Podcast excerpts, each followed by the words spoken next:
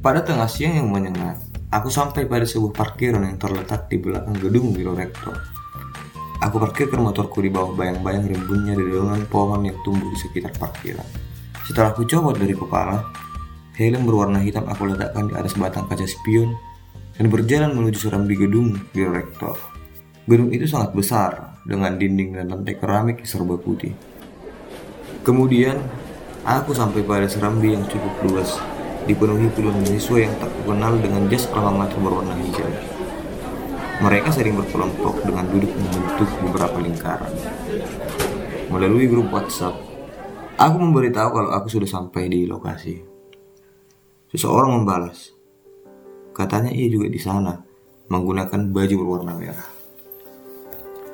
Tak berapa lama, ia kutemukan bersama dengan seorang temannya yang berambut lurus, dipotong tepat di bawah bahu. Lalu kami berkenalan. Perempuan itu bernama Dena dan temannya itu bernama Vivi. Mereka dari jurusan pendidikan biologi.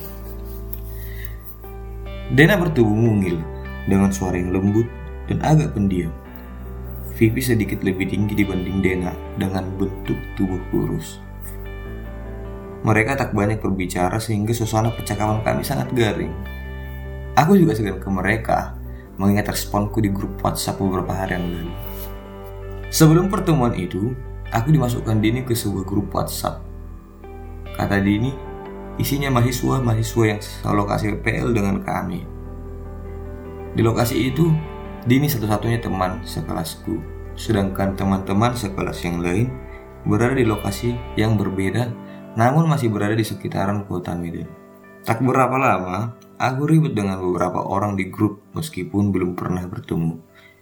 Saat itu aku baru pulang kerja sekitar jam 12 malam.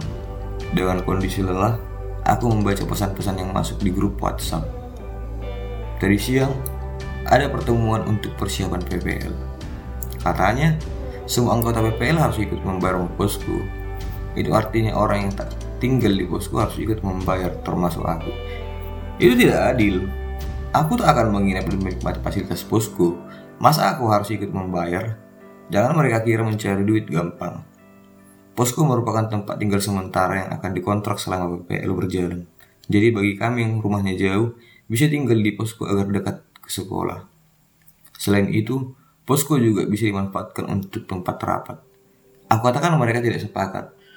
Namun mereka memaksa hingga muncul seseorang yang tidak aku kenal membela aku. Katanya hasil kesepakatan itu tidak sah sebab sebelum rapat tidak ada rencana sebelumnya untuk membahas tentang posko. Lagi pula tidak semua anggota yang hadir pada saat itu. Seseorang itu bernama Panca. Awalnya mereka tidak sepakat dengan Panca, namun dengan sejumlah argumennya, semua sepakat untuk membuat pertemuan ulang disepakati hari Rabu jam 9 pagi. Itu hari liburku di tempat kerja. Lokasinya di belakang gedung biorektor kampus. Sejak itu, aku menjadi tidak senang dengan mereka-mereka itu. Maksudku, orang-orang yang satu PPL denganku.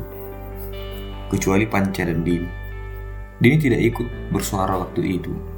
Lewat WhatsApp, Panca mengirim pesan ke aku Katanya ia mau kenalan dan berasal dari jurusan pendidikan bahasa Indonesia. Aku balas perkenalannya dan mengucapkan terima kasih. Ia kelihatan baik.